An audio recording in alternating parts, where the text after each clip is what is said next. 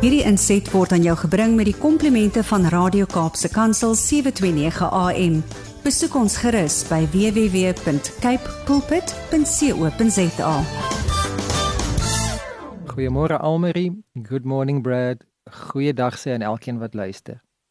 En weer eens wil ek sê dat as jy vandag vir die eerste keer luister, is jy so welkom, maar dan moet ek verduidelik dat ons is besig met 'n reeks wat nou al vir weke en eintlik al vir maande strek waar ons verskillende fasette van bome bestudeer en dit van toepassing maak op ons lewe.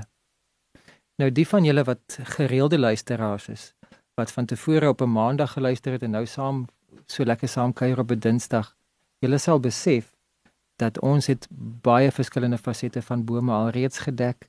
Maar soos wat ek by 'n vorige geleentheid gesê het, as jy 'n voorbeeld aan 'n voorbeeld kan dink van 'n boom, 'n insident in die Bybel of 'n insident in jou eie lewe of selfs 'n insident in ons land se geskiedenis of 'n boom daar in jou gemeenskap of of om in jou omgewing wat 'n besonderse impak het, dan kan jy gerus vir Cape Pulpit laat weet en Brad was so vriendelik om te sê hy sal daai inligting dan vir my aanstuur en dan kan ek dit deel maak van my gedagtes vir 'n volgende praatjie. So ek wil jou nooi dat dit nie net my gedagtes sal wees wat hierdie bos vorm nie, maar dat dit 'n klomp bome sal wees wat letterlik 'n stem in die bos sal praat soos wat ons van tevore al gesê het, daar is 'n stem in die bos en die eer, die primêre, die eerste stem is Vader se stem, maar dan is daar nog ook mekaar se stemme wat ons graag wil hoor. Nou vandag wil ek sê dat dit is nie net 'n stem wat ons in die bos kan hoor nie, maar ons kan ook lesse in die bos hê. Dis ons tema vandag. Lesse in die bos. In die Engelse Engelssprekendes het so 'n mooi uitdrukking, the law of the jungle. En uh, dan kan mens dit ook toe van toepassing maak op the concrete jungle waar ons hier in die stad lewe. In the law of the jungle and the law of the concrete jungle is the survival of the fittest. Dat die sterkste sal oorwin, die sterkste sal oorleef. Daar's seker mooi natuurprogramme op TV en op die internet. En lank gelede was daar 'n program met die naam van 5050 en baie lank gelede dink ek was daar 'n program met die naam van Terwille van oorlewing. Dit is so lank terug dat ek nie eens meer heeltemal seker nie, maar ek dink dit was 'n natuurprogram ter wille van oorlewing. En dit is maar min of meer wat die lesse wat ons hier in die stad leer behels dat ons leer hoe om te oorleef. We learn how to cope, we learn how to survive, we learn how to make do.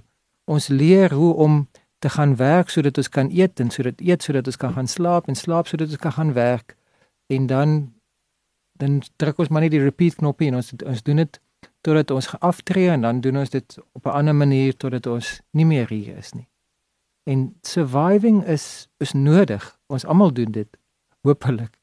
Maar surviving there's more to life than just surviving.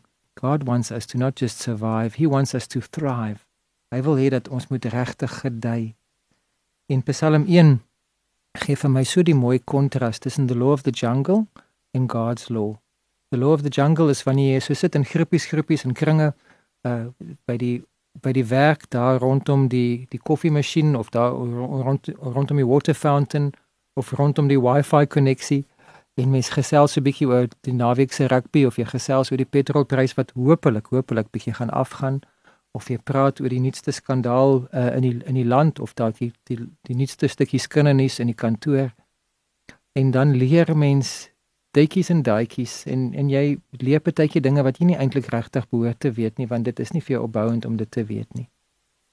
Ek wil sê hey, ons moet betrokke lewe, ons moet omgee, ons moet met ons kollegas engage. Maar ons moenie deur hulle primêr gevorm word en leer om soos hulle te wees nie. Want die woord van die Here in Psalm 1 sê vir ons dat ons moet nie in in daai kringe sit en by hulle leer nie. Ons moet sout wees, sê die woord in in die Nuwe Testament. Maar kom ons kom ek lees vir ons net eers Psalm 1 vers 1 tot 3. Gelukkig is die mens wat nie die raad van goddelose mense volg, nie op die pad van sondaars staan en nie in die byeenkoms van spotters sit nie, maar wat vreugde in die wet van die Here vind en sy wet dag en nag rewelend opsê.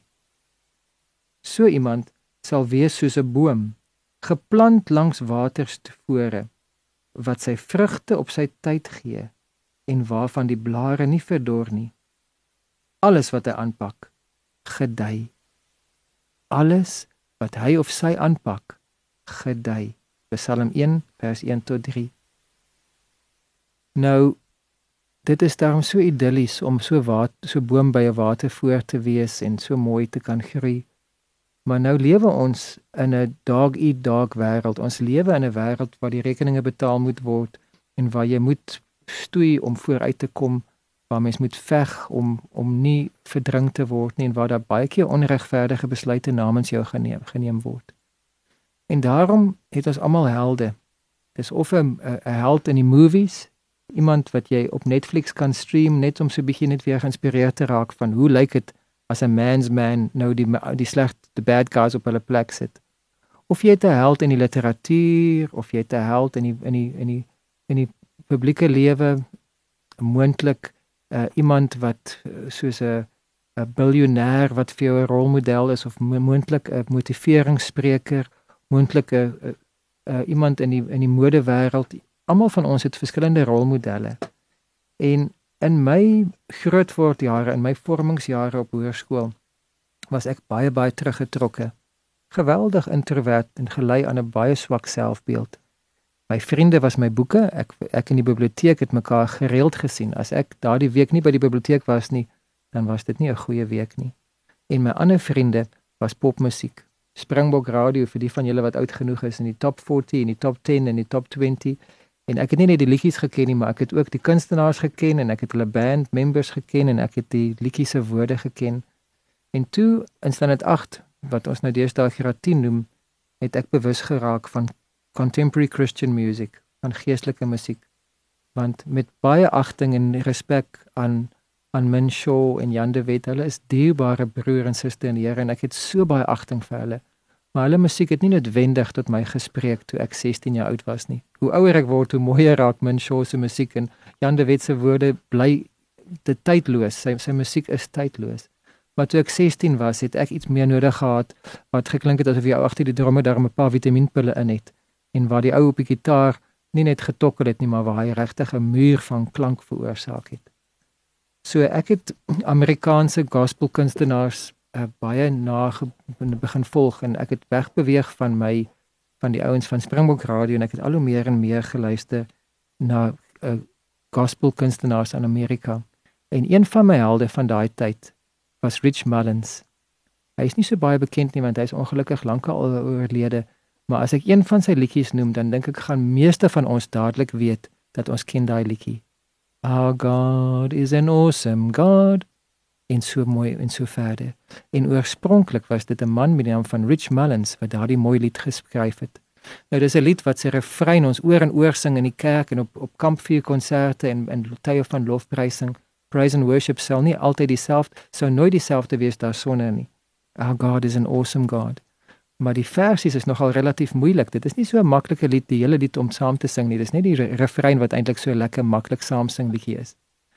En een van sy ander liedjies wat hy geskryf het, ek wil dit eintlik sê een van sy ander liedere want dit was dit dit is meer as net 'n liedjie, dis 'n lied. Is 'n lied met die naam van Hold Me Jesus. In die die refrein gaan so, Rich Mullins se liedjie Hold Me Jesus se refrein. So hold me Jesus, cause I'm shaking like a leaf. You have been king of my glory. Won't you be my prince of peace? Kom ek lees dit net weer.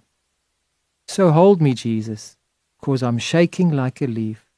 You have been king of my glory. Won't you be my prince of peace?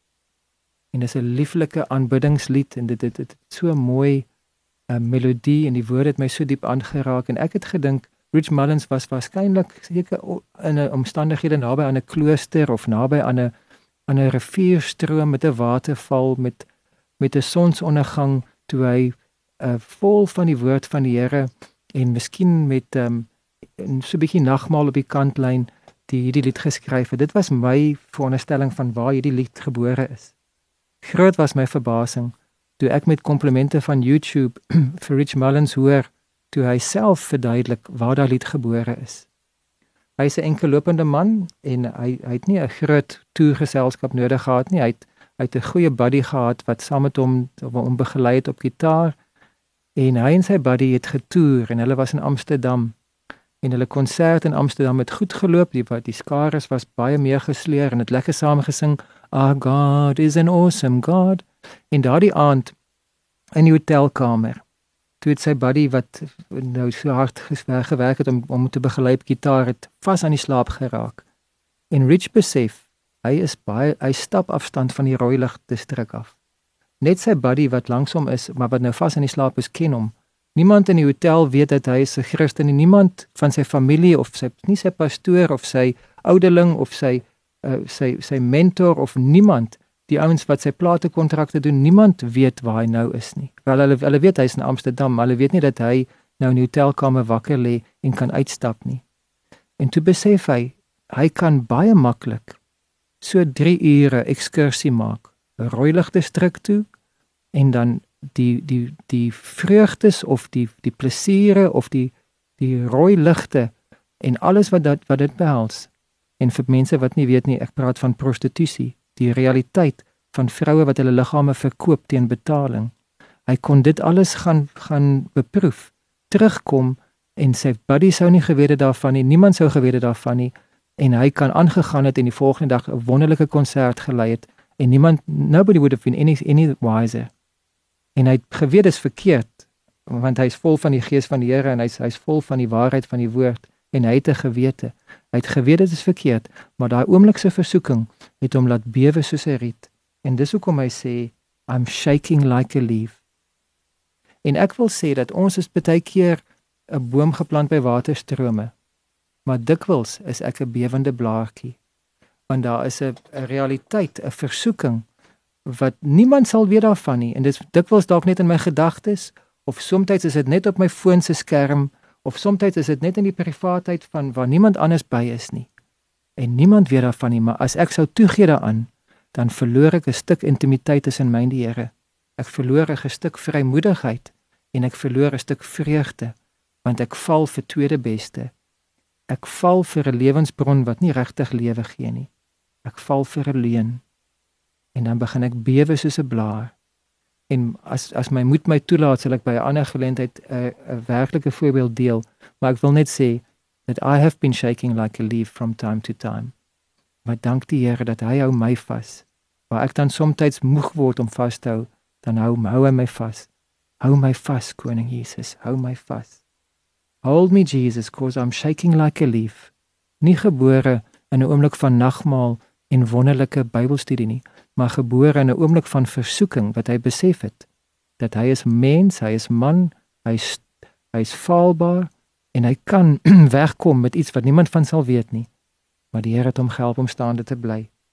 You have been king of my glory when I'm on stage and everybody sees me.